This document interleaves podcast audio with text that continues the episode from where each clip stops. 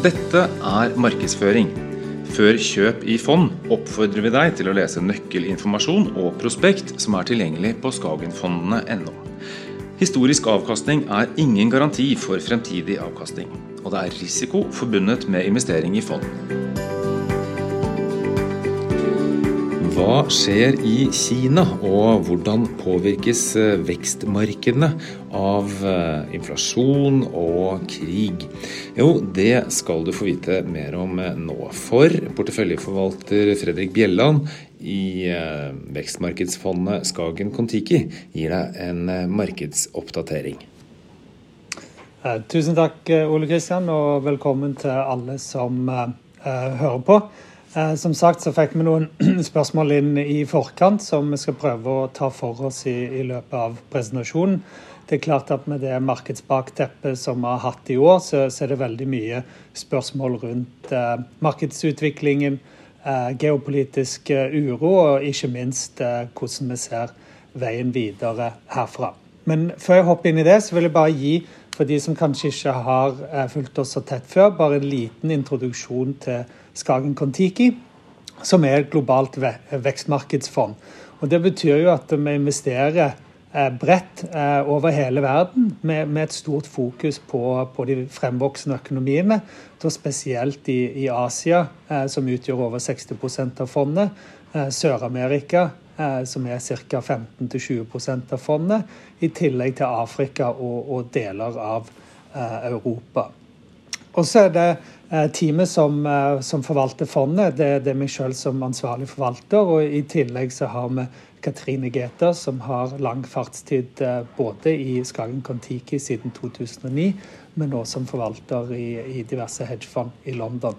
Og, og, tidligere i år, i, i sommer, så, så, tok vi Espen Klette, som har vært analytiker hos oss siden 2019, eh, opp som eh, forvalter. Eh, så han er nå en, en, formell del av forvaltningsteamet, selv om han har vært en del av Skagen Kon-Tiki i nå over tre år. Så det er veldig gøy. Og så er det jo det, det som kjennetegner fondet, og det er jo det at vi har et klart aktivt forvalterfond med en, med en eh, klar verdibasert eh, tilnærming. Det betyr at det som ser ut på venstre side, at rundt 90% av fondet er investert i, i selskaper eh, utenfor indeks. Det er den såkalte aktive andelen i fondet. Og så er det det at vi bruker bredden i mandatet ute på høyre side, så kan se at fondet har en, en klar overvekt mot indeks i såkalte små og mellomstore selskaper, hvor vi ofte finner eh, mange av fremtidens eh, vinnere. Og På midten av grafen så ser vi at eh, rabatten på fondet, altså prissettingen enten i forhold til inntjening, som såkalt PE, eller i forhold til bokførte verdier, PB, så handles fondet nå på en, på en ca. halv pris av, av det brede vekstmarkedet, som igjen er billige i forhold til mer utviklede markeder, som, som f.eks. USA. Så det er liksom de viktigste kjennetegnene til fondet, og noen av de bærebjelkene i måten vi tenker på. Og så Når vi tenker på agendaen i dag, så er det klart vi skal gå gjennom hva som har skjedd så langt i år. Vi skal ta et eh, større dypdykk inn i porteføljen og hva bevegelser som, eh, som har vært der siden siste oppdatering. Og så selvfølgelig snakke om eh, utsiktene. Et av spørsmålene vi, fikk i forkant, var om, om, eh, vi kunne ta opp noen av de tingene som vi har diskutert tidligere, altså utsiktene som vi, vi så tidligere, og, og, binde opp mot det. Og Her er det fra, fra sist presentasjon vi hadde i, eh, i, midten av juni. og det er klart at Da lå vi eh, med et bakteppe som, som, ble mer og mer utfordrende for markedet, med jevnt lavere økonomisk vekst og, og tiltakning til høyere inflasjon. Og klart det Spesielt inflasjonsspøkelset har blitt eh, kraftigere utover eh, sommeren og nå videre med høsten, som, som helt klart har prega markedet. Og Det ser vi òg i, i, i, fondets avkastning. Her er det ved utgangen av oktober, hvor fondet hadde hatt et verdifall så langt i år på, på 16,7 og, og, selv om det er litt, bitte litt bedre enn en indeks så langt i år, så er det helt klart at det har vært et uh, utfordrende år uh, så langt. Nå har det vært små tegn til bedring i, i løpet av november. Så så langt i november de siste to ukene så er fondet faktisk opp mer enn 8 og, og har igjen dratt litt ifra indeks i, i den korte perioden. Så det kan se ut som det lysner litt. Eh, men når vi ser på hvordan markedet har vært generelt, så, så er det veldig mye i tråd med det vi la ut i, i, i begynnelsen av året. At eh, råvarer eller realaktiva har gjort det stort sett mye bedre enn finansielle instrumenter, eh, eh, som, som, obligasjoner og, og, aksjer.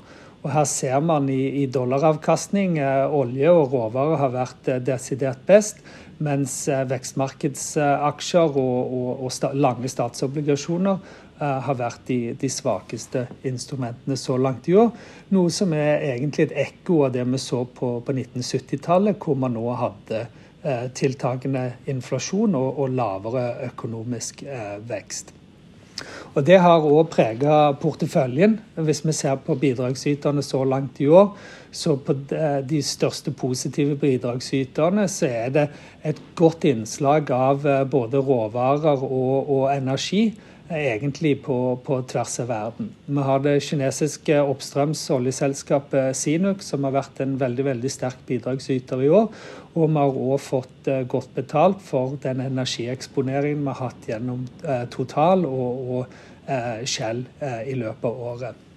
I tillegg så har markeder som eh, Brasil og India vært ganske sterke, og, og det ser vi i dagligvarekjeden Asai fra Brasil, og Mahindra Mahindra, som er et eh, traktor- og bilselskap i, i, India som har gjort det veldig bra. De som har svak, hatt den svakeste utviklingen i år, det er som vi var inne på sist gang, det er våre eh, russiske investeringer, som utgjorde ca. 9 av fondet ved starten av året. Så det er Sperbank, Magnit og X5 som, som er på tvers av finans- og, og dagligvarebransjen. I tillegg, så, som mange vet, så har vi noen av våre største investeringer er i Sør-Korea og i, i Kina. Og, og, det er markeder som har vært svake i år, som, som har dratt med seg LG Electronics og, og, og Pingan eh, pga. at de har vært store eh, poster i eh, fondet. Og her har vi oversikt over avkastning eh, per land så langt i år. Jeg nevnte allerede at Brasil og India har vært eh, sterke land. Det er blant de få som har hatt positiv avkastning så langt i år. Mens på den andre siden av skalaen så har vi mer nordasiatiske eh, land, syklisk eksponert, sånn som Sør-Korea. Men òg gitt den spente situasjonen i, i Kina og Taiwan, så, så har aksjemarkedene der òg gjort det er, er veldig dårlig eh, så langt eh, i år, ved utgangen av oktober. Og hvis du ser på midten av grafen, så ser du òg at eh, vekstmarkedene igjen dessverre har hatt svakere utvikling enn den brede verdensindeksen, selv om det har tatt litt igjen eh, nå i løpet av november. Og det er jo en refleksjon av den, den tunge vekten som, som, både Kina og Taiwan har i eh, vekstmarkedene. Og Hvis vi ser eh, litt mer i, i porteføljen hva som har drevet avkastningen Jeg nevnte det med, med Russland, som har vært en eh, stor negativ bidragsyter for oss i år. Og Det gikk vi gjennom sist gang. Eh, det som har endra seg vesentlig siden oppdateringen i juni, det er at det nå er et marked, ikke bare i Russland, men òg i England eller i Storbritannia, hvor det gjøres transaksjoner i ikke-sanksjonerte russiske papirer. Så faktisk i løpet av oktober så så vi at vi fikk en, en pris i dagligvarekjeden eh, X5, som er en eh, aksje vi har holdt i, i flere år. Og, og, på bakgrunn av de handlene som har blitt gjort eh, den seneste tiden, så, så har prisingsteamet, eh, som er uavhengig av Skagen, men prisingsteamet i Storebrand, har eh, beslutta at eh, det nå skal gjøres eh, en vurdering basert på de handlene som gjøres i markedet. Så, så nå er faktisk ikke X5 den dagligvarekjeden er ikke lenger priset til null i porteføljen, selv om de andre beholdningene i Russland fremdeles er priset til null, fordi at det ikke foregår handler i de som, som jeg kunne tatt del i. Og det er klart at Hvis man ser på endringen fra når markedet stengte i begynnelsen av mars, eh, så er prisen nå 14 ganger så, så høy som, som, det han var da ved den, den siste transaksjonen som, som, ble gjort i, i forgårs. Så det er verdt å ta med i betraktningen at det, det faktisk skjer handler nå i noen av disse papirene. Og Det andre landet vi, vi, får mye spørsmål om, det er jo eh, rundt Kina, hvor den, den mer spennende geopolitiske situasjonen eh, gjør at mange er, er, er bekymra. Her vil jeg bare vise til at eh, her ser man den relative avkastningen i Kina i forhold til vekstmarkedsindeksen de siste 20 årene. Eh, og i de røde eh, tallene så har vi lagt inn den ca. relative posisjonen til Kon-Tiki i Kina i forhold til indeks.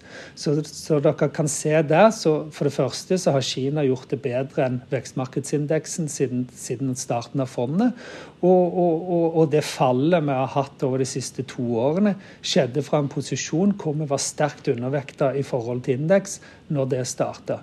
Men så er det sånn at når, når risikovurderingen går opp og, og prisene faller veldig mye på, på, bakgrunn av det. Så er det klart at vi som verdibaserte og, og, og kontrære investorer eh, mener jo at, eh, at, eh, det risikojusterte potensialet ser annerledes ut nå enn når kinesiske aksjer var veldig veldig dyre for to år siden. Så Som vi nevnte tidligere, så, så har vi vært nettokjøper i denne perioden hvor, hvor kinesiske aksjer har falt veldig veldig kraftig i forhold til både verdensindeksen, men òg i forhold til andre ting i porteføljen vår. Så alt annet like, så, så har det blitt eh, mer attraktivt. Men vi er fremdeles ikke overvekt kinesiske aksjer eh, i forhold til indeks. Så, så risikoen på, på, på, landnivå er ikke større enn den er i et vekstmarkedsindeksfond. Det er viktig å, å presisere. Um, og så Når vi ser på de aksjene vi faktisk har kjøpt i Kina, så har de gjort det vesentlig bedre enn den kinesiske indeksen. Så Ved utgangen av oktober så, så var fondet eh, Kontiki ned nesten 17 på, på linje med indeks. Men når vi ser på våre vekta kinesiske investeringer, så har de falt 11% så langt i år. Eh, så de har faktisk gjort det bedre enn en snittaksjen i porteføljen.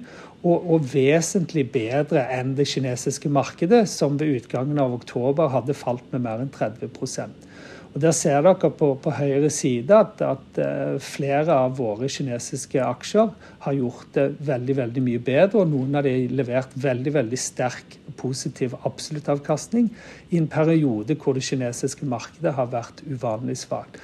Så dette viser jo at eh, selv om det er et utfordrende marked, så, er det mulig å, å, å, treffe gjennom aksjeplukking og, og redusere i dette tilfellet den nedsiden som uh, vi har opplevd.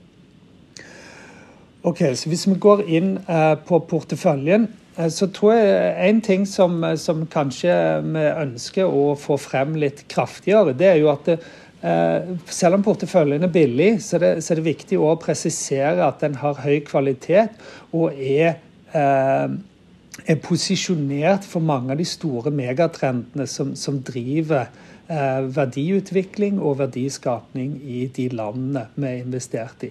Det er klart at Fokuset vårt er jo på, på enkeltselskapene. vil plukke de som gir en god, godt og risikojustert potensial. Men det er klart at det er ingenting i veien med å ri på noen av disse langsiktige bølgene. Være det helse og velvære eller daglig forbruk eller kraftige teknologiledere som vi har i store deler av Asia. Og selvfølgelig de, de store trendene rundt internetthandel og, og, det grønne skiftet, spesielt med hensyn til energi og, og, og råvarer. Så dette er jo ting som, som vi har posisjonert porteføljen vår eh, for, som, som, vi mener kan gi god langsiktig eh, vekstpotensial og, derfor eh, verdiutvikling. Og Hvis vi går inn på, på selve porteføljen, så, så, vil jeg se at det fremdeles er en god blanding av større og mellomstore selskaper. Eh, alt fra eh, gode, gamle kjente som, som, Samsung Electronics, som har vært i porteføljen i, i 20 år, til, til, nyere selskaper som har tatt inn, som, som Ivanhoe Mines innenfor kobbersegmentet, og, og energiselskapene Sinuk, Shell og, og Total. Men det som vi har til felles når vi setter sammen porteføljen, det er at når man ser på den vekta verdsettelsen til porteføljen, så er den rundt fem ganger inneværende års inntjening og 30% rabatt til bokførte verdier. Og Det er rundt halv pris av, av det brede markedet. Og, og, og, når man ser på eh, return on equity, altså egenkapitalsavkastningen som denne porteføljen har levert de siste tolv månedene, så er den fullt på høyde med det brede markedet, selv om vi handler til halv pris. Og, og Derfor tror vi at uh, oppsiden i porteføljen, som, som er uh, uvanlig høy for øyeblikket, gitt at uh, avkastningen har vært negativ, er, er, fullt innenfor rekkevidde, gitt hvor stor rabatt porteføljen handles på. Og, og det at porteføljen er såpass diversifisert som den er, på tvers av sektorer og, og, og land. Og det er klart at eh, En av de viktigste tingene vi gjør som, som, en aktiv forvalter, det er jo hele tiden å utfordre selskapene som ligger i porteføljen, ved å finne nye, nye selskaper. Og Vi har fått eh, spørsmål og, og, kommentarer i forkant på, på noen av de aksjene i, i, porteføljen som har gjort det dårlig, og hvorfor vi fremdeles eh, eier de. Eh, og Det er jo f.eks. Atlantic Sapphire, som, som, vi gikk gjennom i fjor, som igjen har hatt eh, en, en tøff utvikling så langt i år. Men det er klart at alle aksjene som, som er i porteføljen vår per i dag, mener vi har større oppside fremover enn det som er reflektert i kursen. Og, og når vi tar nye selskaper inn i porteføljen, så er det én av tre ting eh, en rolle de skal spille. For det første så bør de kunne øke avkastningspotensialet i porteføljen. Eller så skal de kunne redusere nedsiderisikoen. Så av og til så tar vi inn selskaper som vi vet vi kommer til å gjøre det bra under makroforhold eller markedsutvikling som er annerledes enn kanskje det vi ser for oss som det mest sannsynlige. Så det er mer en defensiv eh, holdning. Og så I tillegg så ønsker vi å ta inn selskaper som kan bedre diversifiseringen i porteføljen, være det seg på tvers av land eller eh, på tvers av sektorer, som gjør at vi får en mer rendyrka aksjeplukkingsavkastning i porteføljen. Så Når vi ser på de grepene som har blitt gjort i løpet av 2022, så er det helt klart gitt vårt syn på, på høyere inflasjon og lavere vekst, så har vi fulgt på med, med fire selskaper innenfor energi to tradisjonelt med Total og Shell. Og vi har òg tatt inn eh, alternativ energi, altså bioetanol, eh, i, i, Brasil gjennom Cosan og Raizen. Og I tillegg så har vi tatt inn et diversifisert gruveselskap, Sibanye Stillwater, og, og, en mindre regional bank i Korea som, som handles på rundt 0,2 ganger prisbok. Eh, Kinenko og Cosmax eh, er et eh, chilensk holdingselskap og et koreansk eh, kosmetikkselskap respektivt, som, som, har gått gjennom tidligere. Og De som har måttet vike plass uh, i, porteføljen, er jo uh, de gode nyhetene er der hvor man har fått et bud på selskapet, som er tilfellet i Turquoise Hill. Så den har gått ut pga. at største aksjonær vil kjøpe hele selskapet til, til en god pris. Og Mahindra Mahindra, det indiske selskapet som har gått ut av porteføljen pga. at det, det nådde kursmålet. Og I tillegg så har vi gjort en del eh, endringer i våre kinesiske selskaper. Så, så selv om vi har økt vektingen i, i, Kina, så har vi faktisk solgt fire forskjellige eh, kinesiske selskaper i løpet av året for å vise at vi hele tiden prøver å optimere eh, porteføljen, og, og at vi ikke kjøper land, men vi kjøper faktisk enkeltselskaper hvor vi ser godt potensial. Og Hvis du ser eh, et eh, stillbilde av hvordan porteføljen ser ut i dag, så, så, er det at vi fremdeles har en god og diversifisert eksponering på tvers av sektorer. Eh, rundt 18% innenfor råvarer, 20% innenfor energi, inkludert fornybar. I tillegg så har vi eh, 18 i, i, i konsum. Eh, og, og 11 i, i defensivt eh, konsum. Og Det er de, de større eh, eksponeringene vi har, i hvert fall i, i forhold til indeks, hvor, hvor, vi mener vi ser gode trender. På landnivå så er det helt klart at Asia er et viktig marked for oss. Både Kina og Sør-Korea utgjør rundt en fjerdedel av porteføljen hver. Og I tillegg så har vi hatt god utvikling innenfor eh, Brasil, som, som, har blitt en betydelig vekt av porteføljen, og som har gjort det veldig bra, på tross av at det har vært eh, valg og, og, og kanskje litt eh, større enn vanlig uh, usikkerhet der. Men det er klart at igjen, dette er bare én måte å se på, på porteføljen vår eh, gjennom land eller sektor. Men vi mener jo at en, en, viktig måte å se på porteføljen og diversifiseringen der, er gjennom eh, de økonomiske driverne eh, bak selskapene. Og, og, her har vi igjen oppdatert grafen vår hvor vi viser hvilke type sektorer som gjør det bra eh, under stigende inflasjon langs eh, X-aksen og stigende økonomisk vekst langs eh, Y-aksen. Så igjen, Eh, den prøver å vise her at på tvers av makroscenarioer så mener vi at vi har selskaper som vil gjøre det bra under forskjellige eh, forutsetninger. Så, så vi tar ikke også tilte hele porteføljen mot ett syn eller et statisk syn på hvordan verden utvikler seg, men vi prøver hele tiden å være balansert for, for å redusere den eh, makro- og geopolitiske risikoen i porteføljen. Så da kommer vi mot utsiktene, og, og igjen så fikk vi et spørsmål om, om, hva vi hadde sagt i fjor, og, og, om det var noe oppdatering på det. Og, her er det klart at det, det, viktigste spørsmålet som vi tok for oss i, i november for, for ett år siden, det var at kombinasjonen av høy inflasjon og lave renter var særdeles uvanlig. På det tidspunktet så var kjerneinflasjonen i USA på rundt 4,6% og, og tiårig statsrente var fremdeles på, på under 2 det som har skjedd siden da, er jo at eh, kjerneinflasjonen har blitt enda høyere. Den er nå over 6 i USA. Og den tiårige eh, statsrenten er, tett opp mot 4 og, og var litt over 4 eh, på et tidspunkt. Og det er klart at hvis inflasjonen er vedvarende på det nivået den er nå, så er fremdeles rentenivået de lange rentene i USA for lave.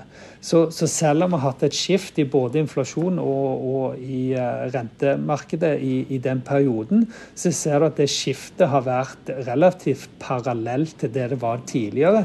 Så jeg tror fremdeles ikke at vi har hatt en, en veldig reprising av den risikoen som, som, faktisk er i markedet, og som vi ser mer og mer spille seg ut. Og, og, og faren her er jo fremdeles at uh, høyere inflasjon blir mer vedvarende enn en det uh, både myndigheter og sentralbanker har, har, sett seg for. Så Derfor beholder vi jo en, en, en tilt i porteføljen mot såkalte realaktive, og spesielt energi og råvarer, som gir historisk sett mye bedre inflasjonsbeskyttelse enn eh, andre typer instrumenter. Og så er det klart at eh, Markedet faller i seg selv. Det har vært mye som har skjedd i løpet av 2022. Og, og, jeg tror nok det, hvis vi tar et lite tilbakeblikk og, og ser hvor vi er, så er det klart at fra, fra, et uh, markedsperspektiv så er jo det at den såkalte 60-40-porteføljen, 60% aksjer og 40% obligasjoner, som, som, mange sverger til, den har hatt blant de dårligste årene noensinne. Selv under finanskrisen, når markedet falt mer, så fikk man faktisk en, en, en, en buffer der gjennom positiv eh, avkastning i obligasjonsmarkedet. Det har vi ikke fått i 2022 fordi at renter, rentenivået var veldig lavt når vi kom inn i, i, i, denne korreksjonen. Så Derfor har du ikke hatt den stabilisatoren. Så Det er fremdeles en stor utfordring tror jeg, for, for mange eh, investorer at den balansen ikke nødvendigvis har, har virka på samme måten. Og så er det jo det at jeg tror fremdeles, som vi var inne på, at hvis det, rente, altså hvis det inflasjonsnivået ikke kommer ned relativt raskt, så er fremdeles de, de, de lange rentene har risiko på oppsiden, selv om de har gått opp 2,5 prosentpoeng eh, så langt i år. Energi tror jeg fremdeles er et veldig, veldig viktig Eh, tema, ikke bare for vår portefølje, men egentlig for, for, alle porteføljer. Det går på geopolitikk, det går på sikkerhet, og det går på å holde befolkninger eh, fornøyde. Og det er klart at med, med høyere energipriser eh, eh, i løpet av, av året og, og, en vinter i sikte, så, så kan det òg bli utfordrende. Og så er det, det det siste som har vært en utfordring òg. Det er helt klart at Kina som et stort og, og stor og viktig økonomi med, med covid-nedstenging, eh, fortsettelse av Xi Jinping eh, på partikongressen og en høyere risikovurdering der, så, så har markedet der vært eh, veldig svakt med hensyn til avkastning. Og, og, det er nettopp det som nå ligger på, på investorers eh, eh, utsikter. Eh, det er inflasjon. Hvis vi ser på Bank of America sin spørreundersøkelse som, som spør eh, investorer verden over, så er inflasjon og geopolitikk er eh, de største spørsmålstegnene og risikomomentene fremover.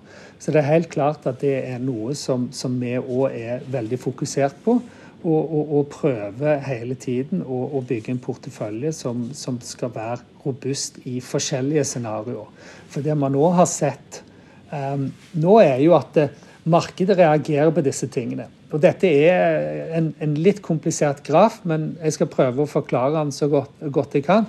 Og det at Den blå linjen som, som går opp og ned, det er um, inntjenings...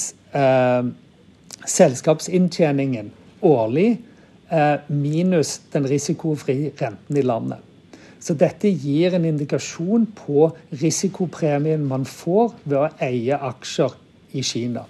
Og Historisk sett så har den toppa seg ut på 9% Altså forventa meravkastning på aksjer utover eh, risikofri rente makser ut på rundt 9% historisk, og det laveste har vært rundt eh, 3 når vi ser nå de siste to årene, så ser man at den risikopremien i Kina har gått fra historiske bunnivåer på rundt 3% og har gått opp til historiske toppnivåer eh, i løpet av den toårsperioden.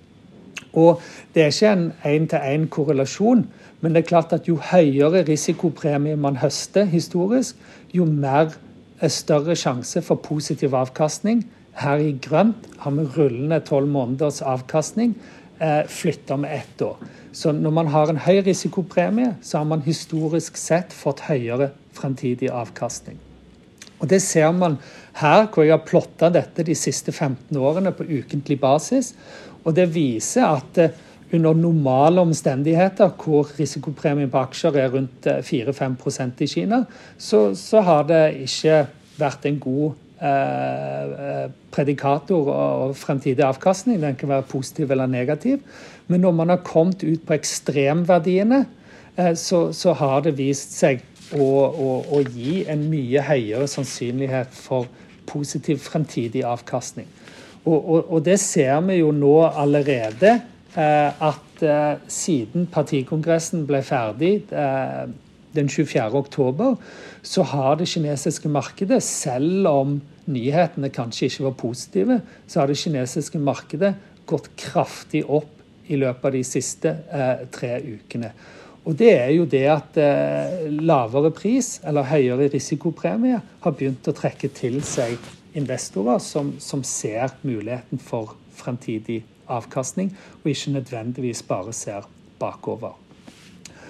Og da, hvis vi går til eh, neste, så er det klart at jeg tror hvis vi ser fremover, så er det helt klart viktig hva som skjer i stormaktsforholdet mellom USA og Kina.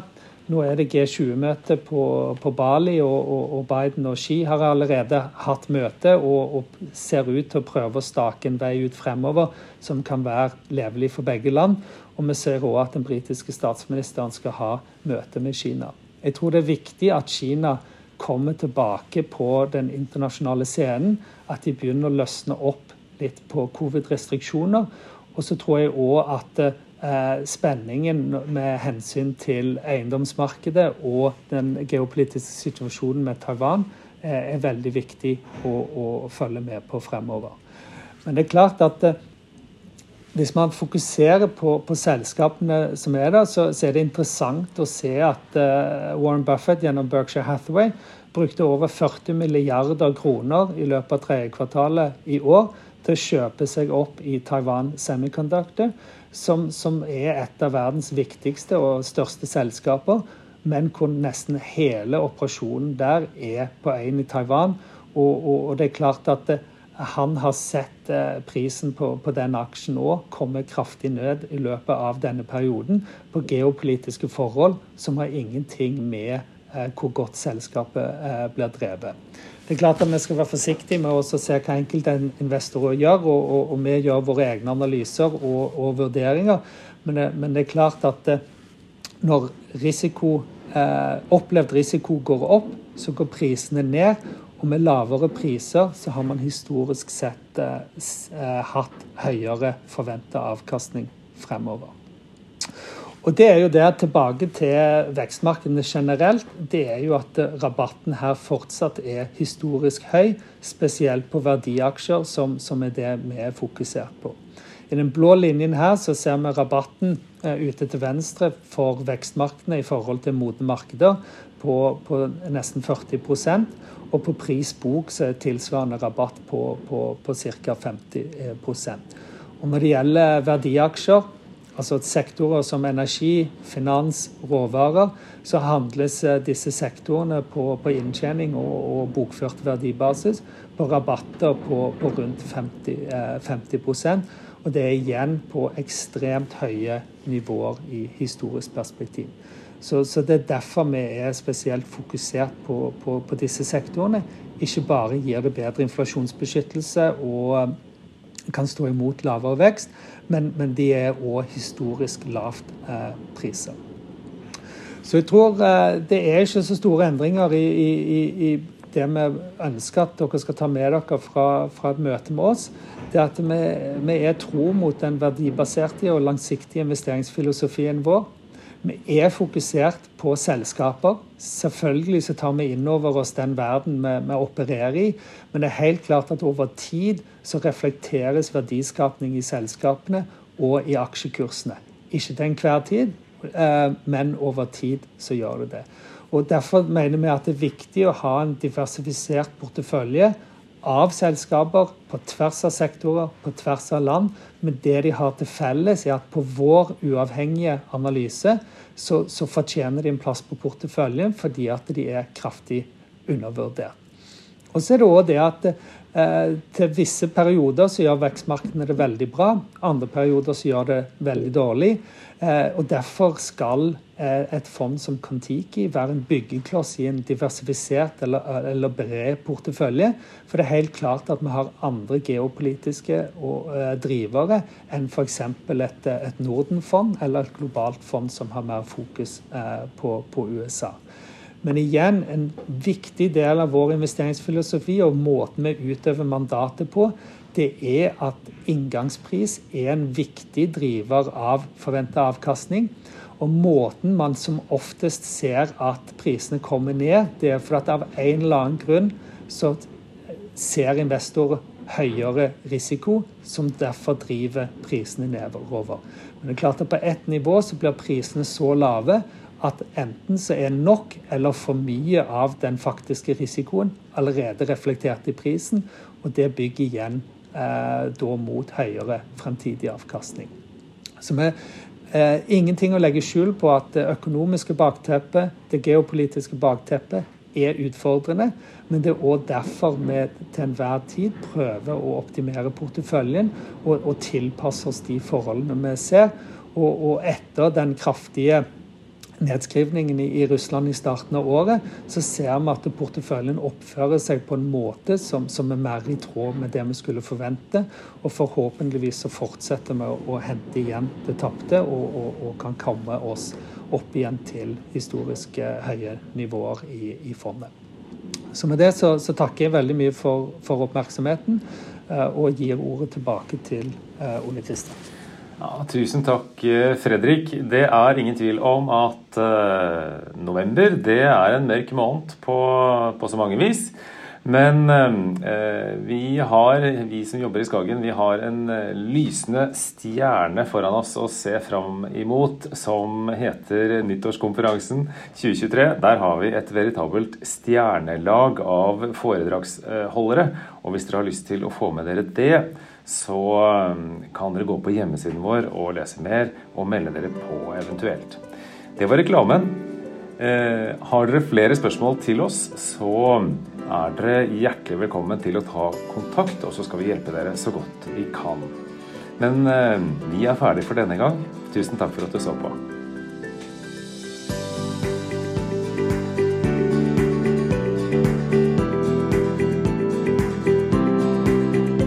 Kjøp gjøres i fondsandeler og ikke i aksjer eller andre verdipapirer. Du finner informasjon om kostnader, investorrettigheter og hvordan Skagen jobber med bærekraft på vår hjemmeside.